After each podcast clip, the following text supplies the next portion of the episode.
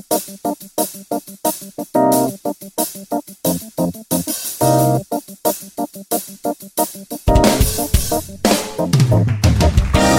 de solblekta stränderna i Santa Monica, Kalifornien. Mina damer och herrar, tillåt mig presentera Peppe Öhman, Magnus Silvenius Öhman. Det här är Magnus och Peppes podcast!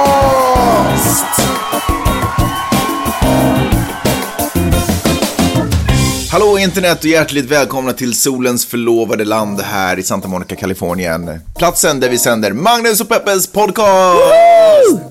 Jag heter Magnus Silvenius Öhman Och jag heter Peppe Öhman. och det här är rösterna som ni kommer få Det här är Peppe Öhman. det här är rösterna som ni kommer få äran att njuta av under de eh, kommande, vad jag tänker mig, 45 minuterna. Ungefär, någonting sånt. Lagom för en liten springtur på stranden om du har en sån möjlighet. Eller kanske på ett löpband på i en svettig gymlokal. Hur mycket tid har du tillbringat i gymlokaler, Peppe? I hela mitt liv. En gång gick jag på gym när vi var på ett hotell i Bangkok och då testade jag faktiskt ett löpband. Jag brukar säga att jag aldrig har varit på gym, men det stämmer ju inte, för jag gjorde det en gång. Och jag tror det tog mig kanske tio minuter efter att jag steg av från det bandet innan jag kunde hitta mina ben igen. Alltså, vet du, in, eller För de går, dem det är som när man har varit på, på en båt väldigt länge. Att det, det är liksom, båten är lite med en efter, samma sak i löpbandet. En gång har jag känt Varför samma... är du aldrig på löpband? Eller varför är du aldrig i gymlokaler? Det här motsvarar faktiskt exakt den känslan jag hade en gång när jag bodde i Holland och åt space cake. Va? Jaha. och blev jätte, jättehög. Då kunde jag inte heller koordinera mina ben, jag kunde inte ens gå upp för en trappa, kommer jag ihåg. Vad är det du sitter och pratar om, fullvuxna människa? Det var ett barn då, Mm. eller en ungdom. Gjorde gjorde det saken bättre? Nej, men eh, du vet hur ungdomar... I alla fall. Jag började prata om Varför hälsa, gå- jag började prata om hälsa och du började dra, dra det till en himla drogmissbruk. Varför är, du så Det var medical marijuana. Ja, marijuana. Marijuana. Varför är du aldrig i gymlokaler, Peppe? För att... eh, jag vet inte, för det första verkar det jättetråkigt, men den riktiga orsaken är det att jag aldrig har gått på gym och är liksom rädd för att skämma ut mig för att jag inte vet hur de här maskinerna fungerar. Mm. Och så är jag rädd för att det kommer någon så här stöddig snubbe fram och ska mansplaina för mig vad jag gör fel och, och hur man ska använda sig av de där maskinerna. Du tycker inte om när folk talar om för dig hur man ska göra saker på ett korrekt sätt. Exakt. Vad, är vad, är, vad kommer den grejen ifrån? Jag tänker att oftast vet man väl bäst själv. Jättecharmig egenskap. Peppe, har du någonsin tänkt, har du, inser du att du ibland är som ett litet barn? Eller bara en vanlig oskön vuxen människa. Idag till exempel på morgonen så kom du upp med jättedålig stämning eh, för att du hade drömt någonting. Peppe, du är snart 40 år. Jag tycker att om man vaknar upp och har drömt någonting obehagligt, då skakar man av det som att "Huff, det var bara en dröm, det var konstigt. Nu är det en ny dag, gud vad härligt att solen skiner. Ja, alla kan inte vara som du, den eviga glädjespridaren. Ja, vilket fall som helst. Hjärtligt välkomna som sagt till podden som pratar om saker och ting som händer runt omkring dig i den där världen som du lever i. Eh, och som du också delar med massa andra människor och ibland så tolkar vi saker som händer på olika sätt och det här är en podd som beskriver lite hur vi tolkar saker och ting. Och ofta så tolkar vi saker och ting lite ur ett journalistiskt och mediegranskande perspektiv men också, eh, icke att förglömma, eh, ur ett feministiskt perspektiv.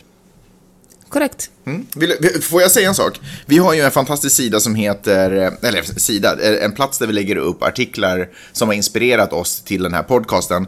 Eh, och det är alltså på, den, de, hittar man, de här artiklarna hittar man på flipboard.com och så söker man på Magnus och Peppes podcast. Och du Peppe har ju lagt upp, eh, du är ju den aktiva där. Det, det kan man inte sticka under stol med att du är. Du har lagt upp supermycket artiklar nu den här senaste tiden. Du, du eh, kommer Jag är som knappast... en maskin, jag bara... Du är som en maskin och du, jag orkar inte läsa igenom alla artiklar som du lägger upp. Varför det? Det är därför du, du ska ju läsa dem. Det är som en... Ja, men du lägger upp så många. Du är som en himla, alltså, alltså eh, maskin är precis vad du är.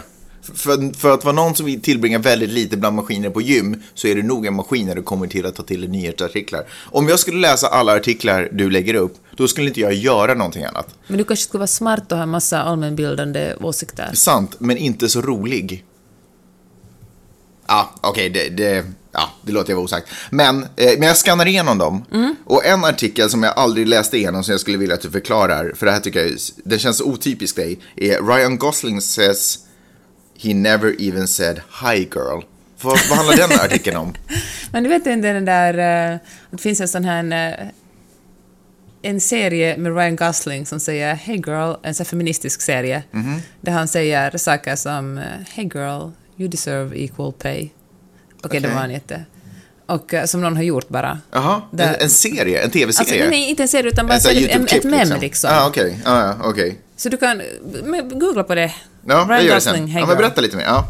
Och eh, jag tyckte det var en... en eh, nu förnekar han att han någonsin i sitt liv skulle ha sagt Hey girl. Okej. Jaha. Okej, ibland är jag kanske lite trigger-happy när jag delar Var det där en clickbait liksom? Var det det du la upp? Men det var roligt att dina ögon fastnade för just den. Ja, men det, så det funkar ju onekligen.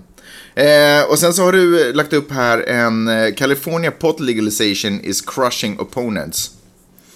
Ja, den drar jag för att laja i ärlighetens namn.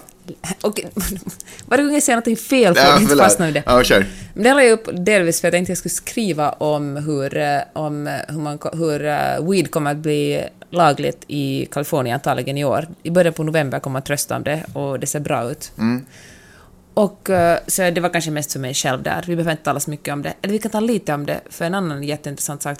I Denver, Colorado har de ju, Colorado är en av de få stater som har legaliserat weed under det senaste året. Och det har lett till att en massa, massa människor har flyttat dit. Vilket i sin tur har lett till Bara för att få eh, röka liksom i fred. Exakt. Ja. Till att eh, bostadspriserna har gått upp jätte- jättemycket i Denver, så de har ett jättestort problem med hemlösa.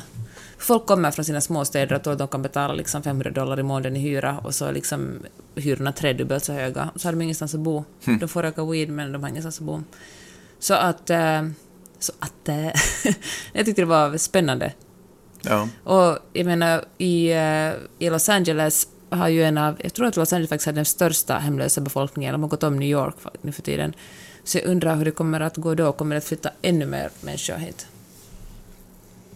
Ja. och bli hemlösa? För pris, alltså hyrorna och bostäderna är ju otroligt dyra här. Det är ju liksom absurt så mycket vi betalar varje Ja. månad. Det stämmer. Jag fattar inte ens hur vi gör det. Jag tycker det är superkonstigt. För Och vi är ju i grund och botten ganska fattiga människor. vi är ju eh, säkert, alltså jag skulle inte säga att vi är fattigast här, för som du sa ju, det finns ju hemlösa. Men eh, vi har ju fortfarande tak över huvudet.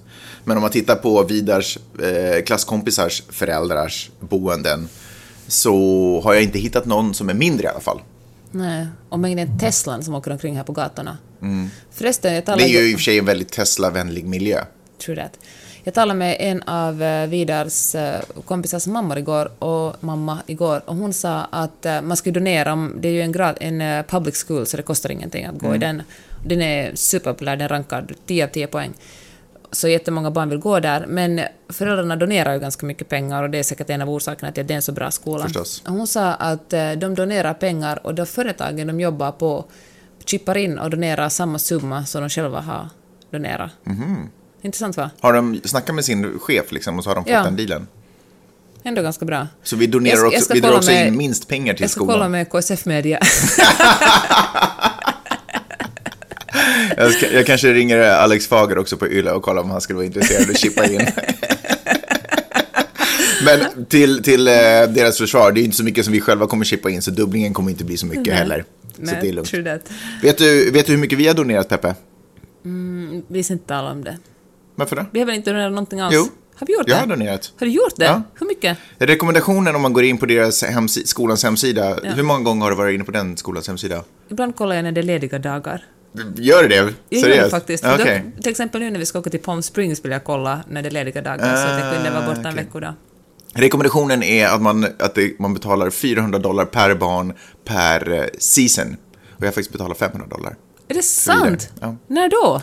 Eh, för några När du veckor fick pengar från, Ja. eh, från, från, Från- Hollywoodfruar? Från Hollywoodfruar. Då var okej, nu ska skolan ha Fan lite vad extra. de pengarna har bränt i dina fickor. Ja. Jag har aldrig sett dig slösa så här mycket pengar så här. Slösa! Kolla hur fint vi har det hemma.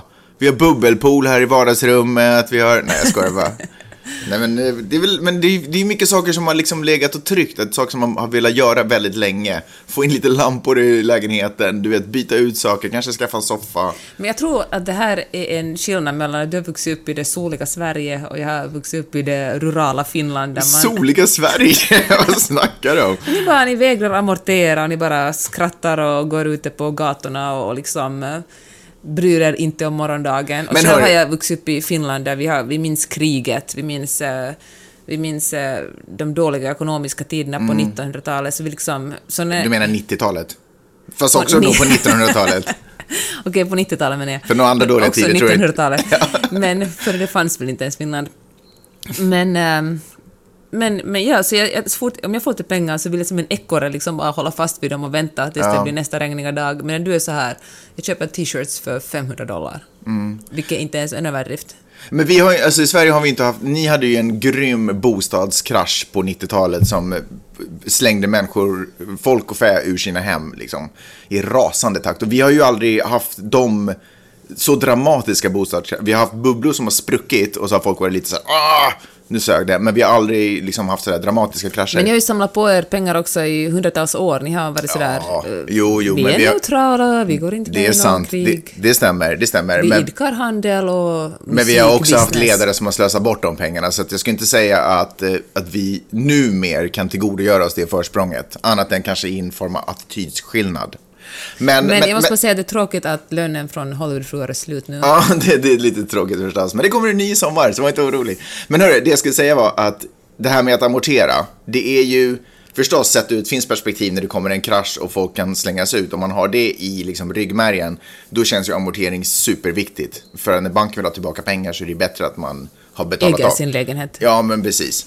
Men om man tänker sig att kraschen aldrig har funnits eh, och det inte kommer någon ny av den sortens krasch, eh, så är det ju sjukt korkat att amortera egentligen. Om man bor i, ett... Det är inte sjukt korkat att tänka sig att den aldrig kommer, den kraschen.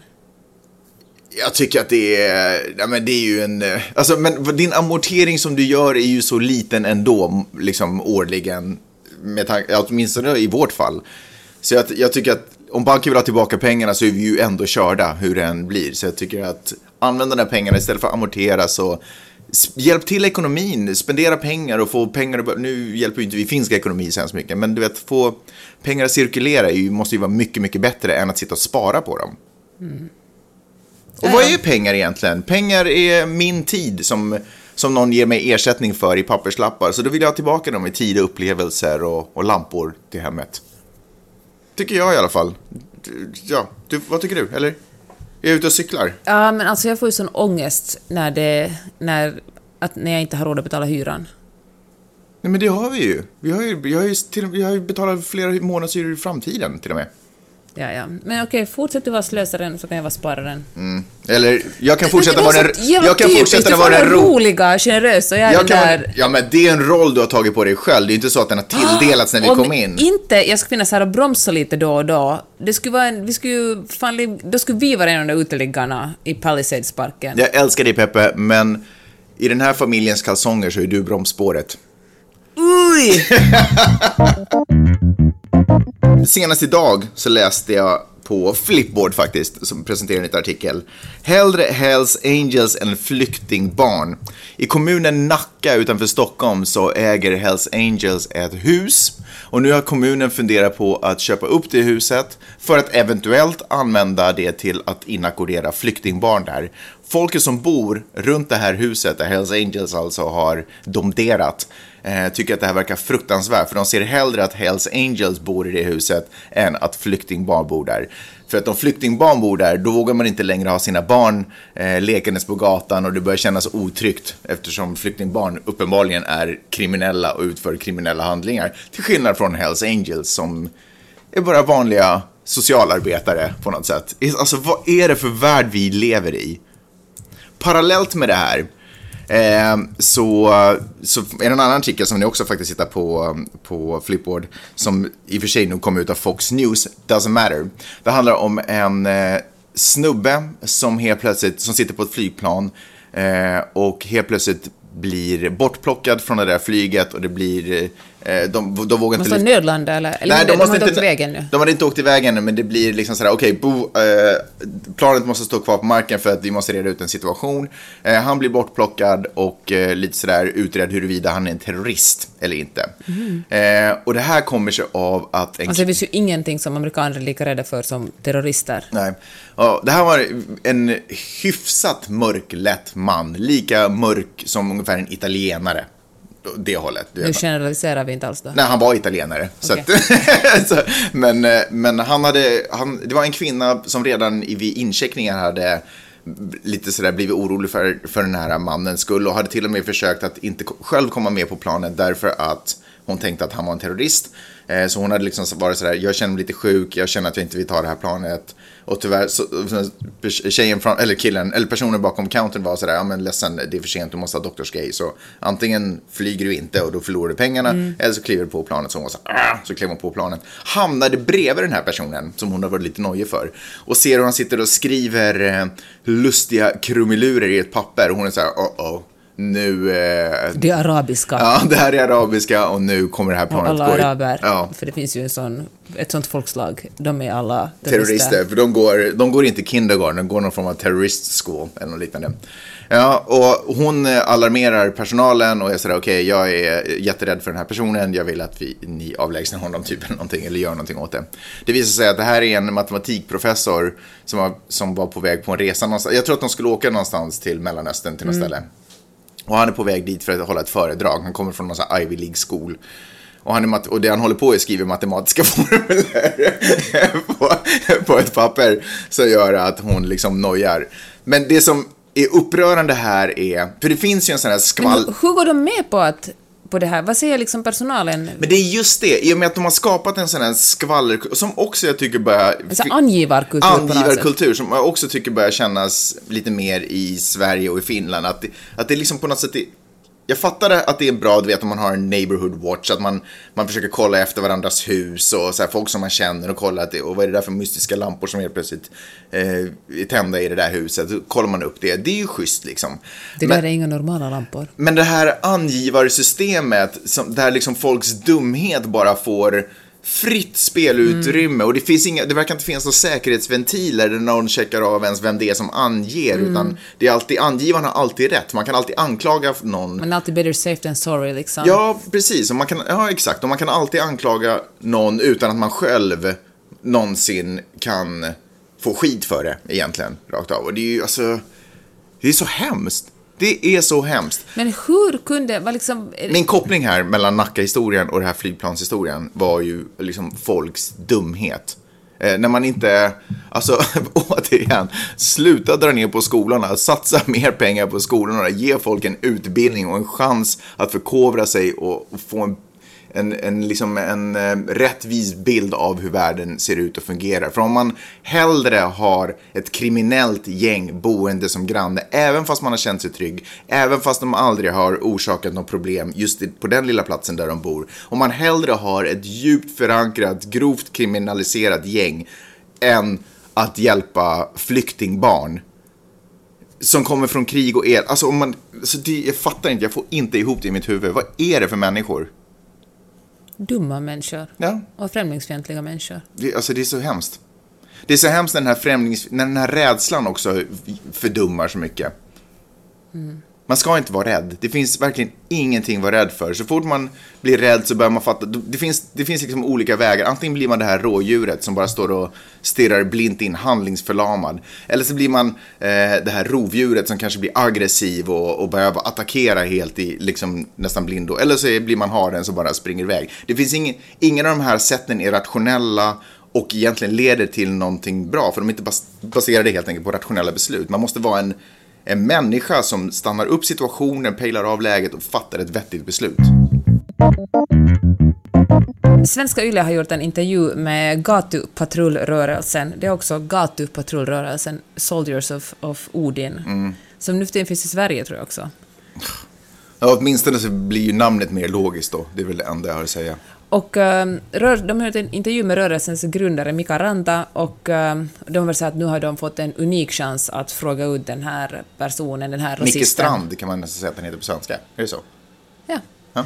Och eh, han är då en, en snubbe som är, inte har varit så jättebra i skolan, han har varit tävlingsboxare, han, har varit, han kör långtradare nu och eh, han ville egentligen bli militärpolis men på grund av sitt kriminella, sin kriminella bakgrund kunde han inte bli det. Han är ganska missnöjd med samhället. Och en lång intervju så där han får berätta hur han har blivit mobbad och han kanske har gjort dumma saker ibland. Och genom hela den här intervjun finns det inte, enda, en, inte en enda kritisk fråga. Utan det är bara sådär, hej rasist, berätta om dig själv och berätta hur du tänker. Och man får liksom en känsla av att det här är en... Man tycker liksom lite synd om honom. Man ser att här är en av de här unga männen som aldrig har känt att han har passat in i samhället.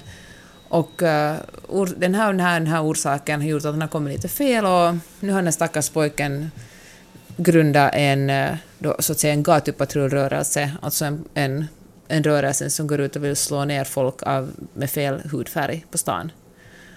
Och det här är liksom då en, uh, det här är liksom en, en intervju som finns på public service-bolaget Yles hemsidor. Mm. Och jag tycker det är så... Ah, fan, jag tycker det är så katastrofalt att... Men det är ju inte journalistens roll att ta ställning. Men grejen är ju den att han tar ju ställning, eller hon, vem som gjorde den här, som jag ska se vem som skrev intervjun. Den här personen tar ju ställning genom att inte ta ställning. Det är inte en journalists uppgift är inte att vara språkrör för precis alla människor i hela världen. En journalists uppgift är att kritiskt granska och ställa de motfrågorna och ha tillräckligt mycket kunskap för att kunna ställa dem och, och ställa de här intervjumänniskorna mot, mot väggen. Okej, det är skillnad om man ska intervjua någon som är med i Eurovision Song Contest. Då kanske man inte behöver ställa de allra kriti mest kritiska frågorna. När det handlar om en nyfascistisk rörelse med liksom, som är verkligen intresserad av nazismen, då kanske det vore på sin plats att göra en kritisk intervju. Och genom att vara så himla rädd för att, för att inte vara, för, för att vara subjektiv eller ställa liksom frågor, gör, gör man ju precis uh, motsatsen, då blir man ju en, då, då blir man ett språkrör, då tar man just då liksom, ger man en ganska sympatisk bild av den här rörelsen. Ja. Och jag tycker det, jag blir så, alltså jag blir så jävla arg! Oj. För Ja. det finns, folk måste bli bättre journalister, folk som jobbar på fucking public service måste göra ett bättre jobb.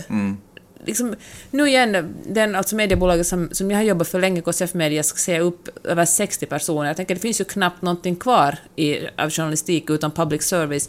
Om inte ens public service klarar av att göra riktigt bra granskande journalistik och kritisk journalistik, fan, hela jävla demokratin lider ju av det här. Ja, man gör det inte lättare för finlandssvenskar att fatta vettiga beslut.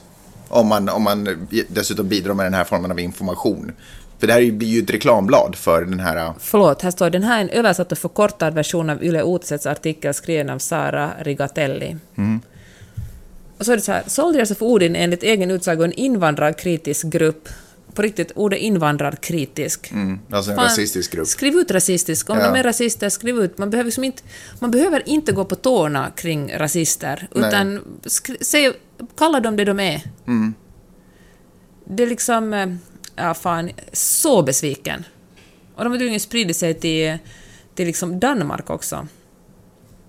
Nej, men det är klart, de får ju massa uppmärksamhet. De syns ju och hörs överallt. Och helt oifrågasatta. Och vad, liksom, vad är ens meningen med det här? Att säga, hej, det är någon som är intresserad av att känner du dig som den här eh, Mm. utsatta unga mannen? Vi förstår dig. Här är, här är det ett sammanhang du Mm. kan joina. Det här är en chans för Yle att ge en, ge en okritisk inblick i, det här, i den här organisationen. Men alltså det finns, vadå okritisk, alltså jävla språkrör. Jag, ja, jag, jag får... eh, Jag, får en liten, liten stroke av irritation. Men tror du att det kan bero på att, att den här rasismen och, och de här typerna av... Alltså, jag menar, Yle är väl, det är ju vanliga människor som jobbar där också. Kan det bero på att, kan sådana här artiklar, all, såna här, och du vet de här tv-programmen som vi har pratat om också tidigare, nu kommer jag inte ihåg vad de är, A12 eller A21 eller vad fan de heter.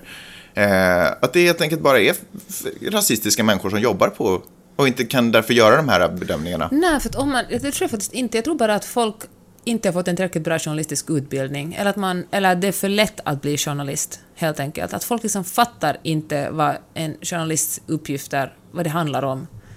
Utan man tänker så här att, och jag har säkert själv också gjort det här misstaget, intervjuat folk och inte varit tillräckligt kritisk. Jag, däremot har jag inte intervjuat en rasist. Liksom. Det, det är bara så himla grovt, tycker jag. Det, liksom, det har såna grova konsekvenser. Men att folk liksom inte fattar att man är så livrädd för att, eh, för att inte verka oberoende. Att om man, om man ställer en enda fråga, att man, en enda kritisk fråga, att man på något sätt ska ta ställning till någonting då.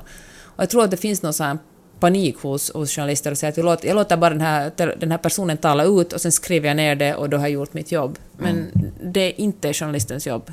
Då kan man liksom ha en blogg. Ja. Så jag tycker att eh, ett sätt att rädda journalistiken vore att, att ha en jävligt bra rekrytering. Alltså en jävligt bra utbildning och rekrytera bara otroligt bra journalister som faktiskt vet vad journalistik handlar om. Jag tänkte på en grej som du sa när du berättade om, den- om den här lilla faktarutan då, där det står att det här är en invandrarkritisk grupp.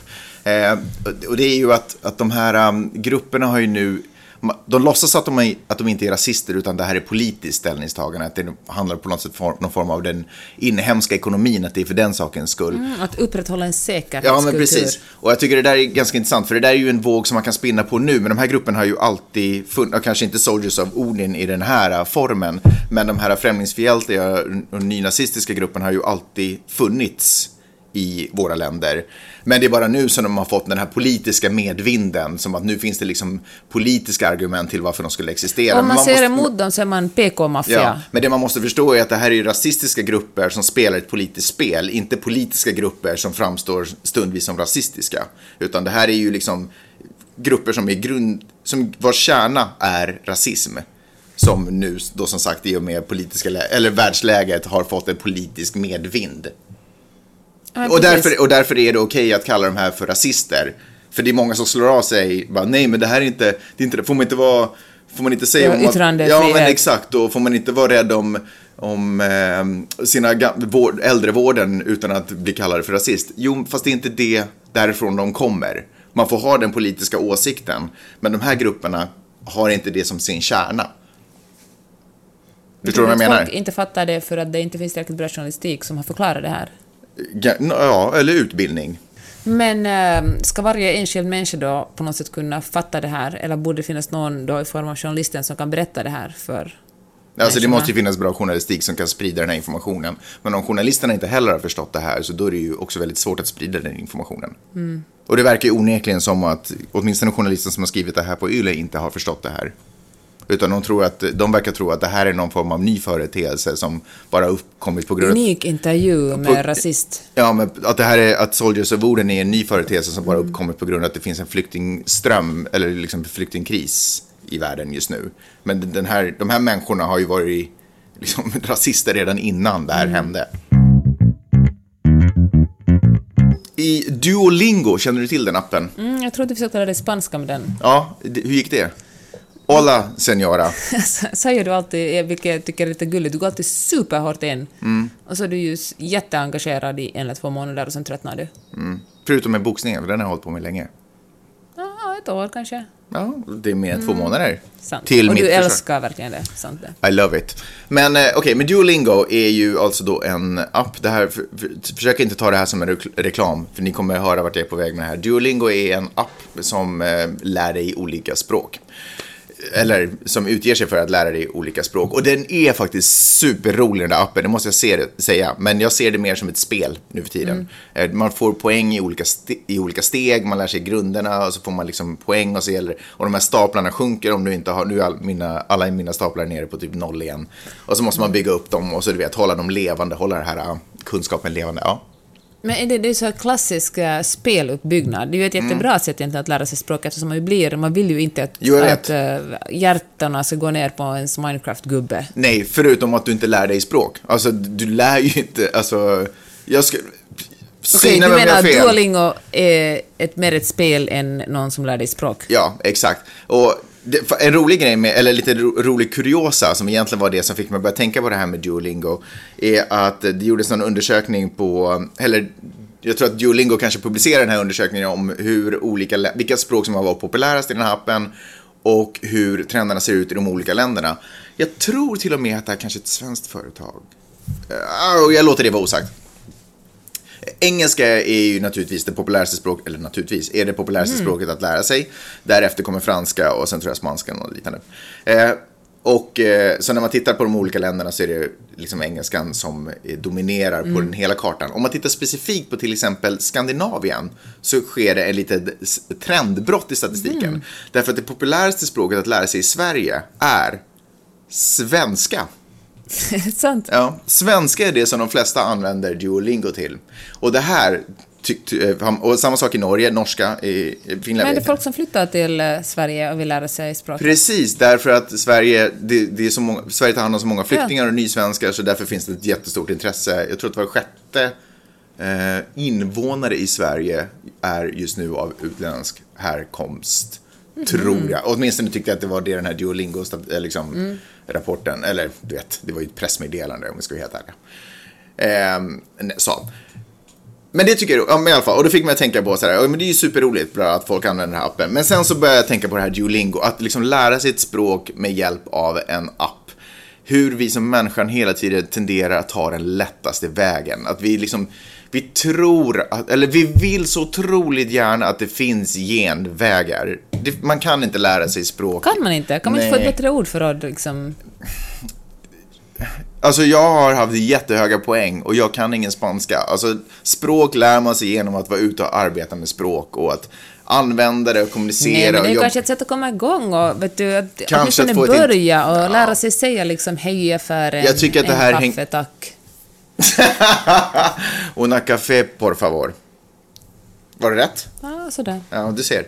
Eh, jag tycker att det här hänger ihop med folk som också till exempel vill gå ner i vikt. Hur man hela tiden, man försöker, man, liksom, man vägrar ta tjuren vid hornet. Det är någon sån här, jag, jag, jag skulle inte vilja säga ny, mäns, eller jag skulle inte vilja säga ett mänskligt drag, för att jag, jag har någon känsla av att det här är nymänskligt drag. Att man vill ha det här, vi så, vi har vant, Nej, har- nu är det så romantiserad bild av människor förr i tiden. Då stretade man och jobbade hårt och Nej, men det fanns, inte gen, duktigare. det fanns liksom. inte genvägar på samma sätt förr i tiden. Därför att allting, saker och ting, man hade, saker och ting tog tid. Det, för det fanns inga genvägar. Vi hade, jag menar, back in the days, innan det fanns bilar, innan det fanns cyklar och sådana saker, som, så tog saker och ting tid. Eh, nu så går ju allting så otroligt snabbt. Det finns så otroligt många ehm, eh, genvägar där ute Men är inte en genväg till exempel att använda sig av Instachart och Fast liksom... det är ju inte genvägar, det är ju skenvägar. för de tar, dig all, de tar dig aldrig till målet. Instachart är en jätterolig Instagram. Ja, men. Instacart är ju också en sån här, det här hemleveranssystemet som jag pratade om tidigare. Det är ju också en skenväg. Alltså, Varför det? På vilket sätt är det en skenväg? Därför- Vill att man ska okej. göra rätt för sig och gå till affären och plocka sina egna varor? Nej, ja, nej. Eh, hmm ja, slash nej. Eh, det är ju skenvägen är därför att den utmålade genvägen är ju att du sparar tid, du kan ägna dig åt viktigare saker och, bäst, och bättre saker. Men vad är det man egentligen gör när man har skickat iväg det? där? Att man fortsätter ligga kvar i soffan och titta på sin tv-serie. Det är ju inte så att du, du utnyttjar ju inte för det mesta. Jag vet att du... Kanske du bara talar om dig själv nu. Nej men jag, jag, är, Okej, jag är är- inte unik. Jag vägrar tro att jag är så unik att inte jag skulle representera en ganska stor del av be befolkningen. Liksom. Och, då blir det ju en skenväg, för då, har du, då tar ju inte de här hjälpmedlen dig till målet, utan de tar dig bara du vet, på en annan väg. Och samma sak, så här, åh nej, jag vill bli av med alla de här kilorna, men jag vägrar äta bättre och jag vägrar gymnastisera. Så då, utan jag tänker istället ta det här pillret eller jag tänker istället ehm, sjunga den här sången när jag står på ett ben och tittar ut mot en affisch. Va, säger du nu att överviktiga människor bara är lata? Och Nej, jag säger inte att överviktiga är lata. Eller- Jag säger att överviktiga människor som vill gå ner i vikt gör det fel om de inte börjar Fast jobba på vet det. du vad? Eh, I den här tidningen jag läste, New York Times publicerade eh, forskning på att folk som är överviktiga och bantar har jättesvårt att gå ner i vikt. De hade som exempel det här programmet Biggest Loser, hur alla som varit med i programmet inom fem år efter att de har slutat har gått upp i vikt igen. Mm. Eftersom om kroppen, när man bantar och blir kroppen stressad plus att den börjar med, med ämnesomsättningen gå ner, så Mm. det är liksom praktiskt taget omöjligt att bara banta. För att kroppen vill, kroppen har en favoritvikt som den vill hålla fast vid. Och den gör vad som helst för att man inte ska gå ner mer än den favoritvikten. men missförstå mig rätt nu. Jag, jag sitter inte och talar om för dig hur du ska göra om du vill gå ner i vikt. Jag sitter och talar om det jag försöker säga till Men det är dig. svårt, det är liksom extremt svårt. Ibland kanske... Nej, men lätt eller så, det här är just det som är grejen. Att det är extremt svårt kan ju inte vara... Det kan, vad, vad är det att vara rädd för? Det, det, är liksom, det, det är ju inte... Det betyder ju inte att det inte går. Det betyder, du vet, det är ungefär som i... Men om alla de so här there is a människorna- chance. Du vet den grejen. One in two... mi- Bästa one in- citatet, one in, filmcitatet. one in 22 million. So there is a chance. Du vet, att- för det är ju den inställning man måste ha. Det är kanske svårt, det är kanske hårt, men ett piller kommer inte lösa problemet åt dig och någon eh, rökelse kommer inte lösa problemet Fast nu åt håller dig. på att utveckla faktiskt ett piller som kommer, Det kommer inte lösa problemet åt dig, därför det finns inga genvägar. att... Ett hormon som minskar dina hungerkänslor. Jag svär! Antabus för mat. Jag svär att det inte kommer lösa problemet. Det finns inga genvägar. Det finns, alltså... Alltså teknologin har gjort det extra... Okej, så här. Flygplanet. Förr måste du ta, ta färjan över Atlanten. Ja, men vad är Hur- priset? Vadå, vad är priset? Vi förstör ju miljön Men det är ju en helt annan, det. det är ju en annan sak. Nej, det, för de hänger ihop. Därför det är att en vi annan in... sak, det är ingen genväg. Det är ett, ett, liksom att det kostar på miljön är ju en helt annan sak. Men kolla här, du tar flygplanet ner till barriärväget. På vägen ner till barriärrevet med flygplanet så förstör du barriärrevet. Då är det ju en skenväg. Då är det ju inte, liksom, du kan ju inte uppleva saker som du förstör, eller som du liksom förstår vad jag menar. Det finns inga genvägar. Att teknologin har gjort enormt många, har gjort det enormt mycket lättare för, mäns, för mänskligheten. På väldigt många sätt, men det har löst, alltså, jo, det är helt sant. Det har det faktiskt gjort. Sociala medier och gör att folk kan hålla kontakt på ett helt annat sätt och vi kan sprida, det är demokratiskt, fantastiskt, vi kan sprida information över hela planeten Vi kan väldigt hata snabbt. varandra på Twitter. Ja, men på no av, någon, av någon underlig anledning, när det kommer till att ta tag i sina egna personliga problem, så då, gör vi, fattar vi, liksom, då använder vi alla de här sakerna på helt fel sätt. Då laddar vi ner en app och tror att det kommer lösa vår eh, spanska ut eller vår kommunikationsförmåga. Eller Kanske så. det löser det för... Kanske den svenska undervisningen genom Duolingo funkar superbra för många nysvenskar. Tweeta om du har lärt dig ett språk via, eh, via Duolingo. Om du lyssnar på det här och du bara, ah, jag pratar arabiska eller du vet, tack vare Duolingo. Jag vill se det tweetet. Det är på något sätt så otypisk inställning från dig, Magnus. Jag Varför då?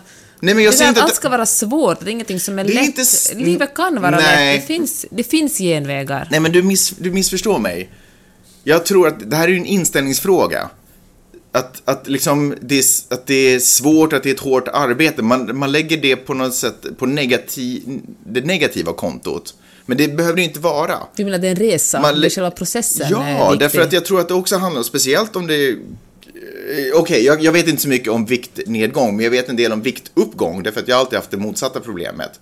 Och det har liksom aldrig, därför att att ägna mycket tid åt det ändrar också min betala, eh, mitt, min mentala förhållning till det. Om jag hade tagit eh, anabol, bara boom, exploderat i muskler genom, efter att ha tränat några gånger, mm, det kanske tar lite längre tid än det, men i alla fall, en, en någon form av genväg, så får jag ingen relation till mina muskler, jag har ingen jag, har, ja, jag får ingen relation till mina muskler helt enkelt. Men genom att bygga upp det grundläggande, bit för bit, tegelsten på tegelsten på Men tegelsten. kan inte man göra det med Duolingo då? Lära sig flera ord hela tiden, komma vidare till nya nivåer och se dem som tegelstenar. Mm, ja, kanske, men jag vägrar tro att det är så man använder den appen. Vad är det rätta sättet att lära sig ett språk då? Att vara ute och arbeta med det, liksom. Vara Men ute om du inte ens kan säga folk. hej? Därför att där upplever ju folk det svåra, det obehagliga. Och nej, nu måste jag gå och prata med någon som jag inte har pratat med förut. Och, så, och nej, och nu känns det här jobbigt för att jag kan inte, jag vet inte hur man säger det här rätt. Hur gör barn? Vilka är de bästa människorna på jorden att lära sig nya språk? Barn.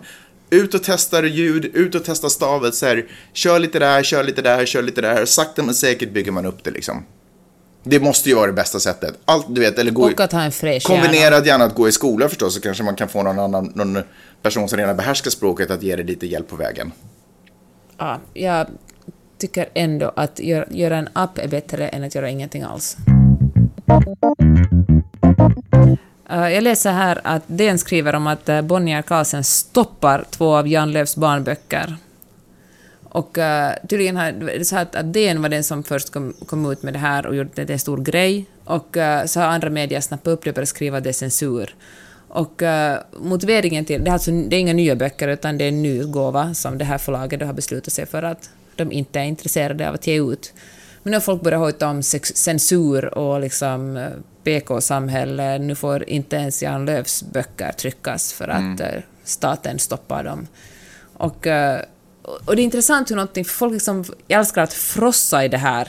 Man, liksom, man, vill att det ska, man vill att det ska vara censur, man vill att se någon slags konspiration. När det, och orsaken till alltså de, att de inte vill ge ut de här böckerna för de tycker att det liksom att man har stereo, det visar stereotypa bilder av på olika människor. Så jag tror att folk är upprörda också för att de kanske själva har läst de här som barn eller som ungdomar och nu får de reda på att det här har varit fel och förkastligt liksom. Ja, men säkert. Och Det det kanske liksom är så här, "Hä, har jag smutsiga sen- stenar i min grundbult liksom? Och, men liksom tänker ingen på att det här är liksom ett förlag, det är ju inte på något sätt, ett, någon, det är inte staten som går in och censurerar. Det här är ett förlag säger hej, vi vill inte ha det här i vår utgivning. Det är ett Men- privat företag. Men precis, och då kan säkert den här Jan Lööf ta de här till ett annat förlag och säga hej, vill ni ge en ny, nyutgåva av de här böckerna? Dessutom nu har det fått så mycket publicitet och så mycket uppståndelse finns det säkert något förlag som säger att vi tar gärna emot de här pengarna. Men, eh, men folk liksom... det finns så här intressant, det kanske är social media-grejer också, hur folk liksom älskar konspirationsteorier eller älskar att uh, uppröras över PK-maffian. Mm. Det är ju Men samma sak ju- när Rabén och Sjögren ge ut eh, den här Pippi Långstrump-böckerna och tagit bort det här n-ordet därifrån. Ja, men det här är ju de här, de här smygrasisterna som inte tycker om förändring. Det är ju samma gäng liksom. Så sitter, det här är ju inte hela svenska folket som har upprörts över det här eller stormet, utan det här är ju nu den här, återigen den här klick... folk som kanske inte riktigt fattar själva att de eventuellt är smygrasister. Ja, no, men precis. Och det är väl nästan den värsta formen som tror att de är öppna och, och vänliga. och van- Men alltså, det måste man väl förstå att om, om, en tid, om en bok eller ett uttryck har gått ur tiden, så då följer man med tiden. Alltså ska vi, upp, ska vi uppfostra en ny generation av rasistiska barn liksom, som, inte, som tror att eh, asiater är på ett sätt och svarta är på ett annat sätt och, och folk i, i, som bor i Indien, de är på ett tredje sätt. Ska vi liksom tillåta en ny generation av sådana här Och idioter böckerna växa hör upp? hemma på museum. Så, Absolut, så här bränn inte Så här böcker. trodde man en tid. Exakt. Nu tror vi inte längre, de här orden använder vi inte längre. Nej, det är ju inte frågan om att bränna böcker eller, eller, eller eh, radera historia. Men som sagt, de där böckerna och det där uttrycket hör ju hemma på museum nu. Det är fortfarande intressant. Men om barn ska förväntas läsa det här, eller om vuxna ska förväntas läsa det här för barn, så då kan det väl vara ett budskap som hör hemma i 2016.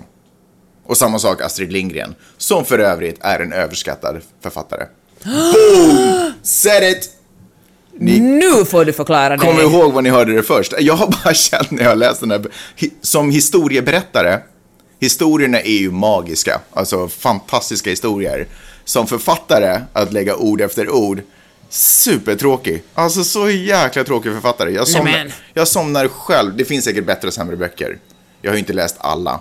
Men när jag sitter och läser för vidare så fattar jag varför man läser Ge ett de här. exempel då. Vilken bok tycker du vilken av Astrid Lindgrens böcker tycker du är dålig? Jag tyckte, alltså, de är inte, de är inte dåliga, de är bara tråkigt skrivna. Historierna är superintressanta och jag rekommenderar dem som filmer, men, men som... Men du rekommenderar dem som filmer. Ja, för historierna är Har bra. du sett Katla i Ronja Rövardotter? Ja, men jag, liksom, jag tycker bara att de var tråkigt skrivna. Jag kommer inte ihåg vilket det var jag läste nu senast för honom. Eh, men vi läste en så här samlingsverk eh, som heter Junibacken, heter den så? Eh, den där som han har på sitt skrivbord. Hallå, är du med mig eller? Ja, ja. Vad sitter du och gör? Jag forskar inför mitt nästa ämne. Ja, men det blir inga fler ämnen, för vi har redan pratat i typ 45 minuter. Ja. Jag ska bara säga så här pass mycket. eh, jag kommer inte ihåg, det var någon samlingsverk med olika berättelser från olika historier. Och jag bara kände, kände att det är supertråkigt skrivet. Eh, Ronja var ett exempel som är jättetråkigt skriven. Jag kommer ihåg att jag berättade det här för några... Du vet att du inte kommer att komma in i Sverige den 10 juni när Norwegian landar. Nej, men folk måste öppna ögonen. Du vet, det, det, det, nej, men, nej, men vi, vi håller fast vid sådär. Jag, jag ser det kulturella, jag tycker det är grymt. Astrid Lindgren har en speciell plats i mitt hjärta. När hon läste upp sagorna eh, på Sveriges Television när man var liten och man hörde henne läsa om, om vad det nu var. Det är ju liksom saker som får mitt hjärta att bli varmt i min kropp. Men det har ju hänt saker och ting på den litterära fronten också. Harry Potter, motsvarande genre och du vet målgrupp. Jag kan inte fatta att du hatar Astrid Lindgren. Jag hatar inte Astrid Lindgren. Frid var det med hennes minne. Men, eh, men hon var inte så jäkla bra författare. Hon var, hennes text som skrevs då, idag, är inte så bra. Då, säkert banbrytande. Säkert en helt ny, ett nytt sätt att uttrycka sig på och fantastiskt. Men du vet, alla har varit sådär, åh, varför fick hon aldrig Nobelpriset? I get it. Nej men kom igen! Ser du, du vet ju alltså, vilka fantastiska poeter och människor. Du har ju själv mellan raderna, ni har aldrig tagit upp Astrid Lindgren. Duh. Inte banbrytande idag. Fast det är mycket roligare att tala om dåliga böcker än om bra böcker. Eller kanske... Ja, nej.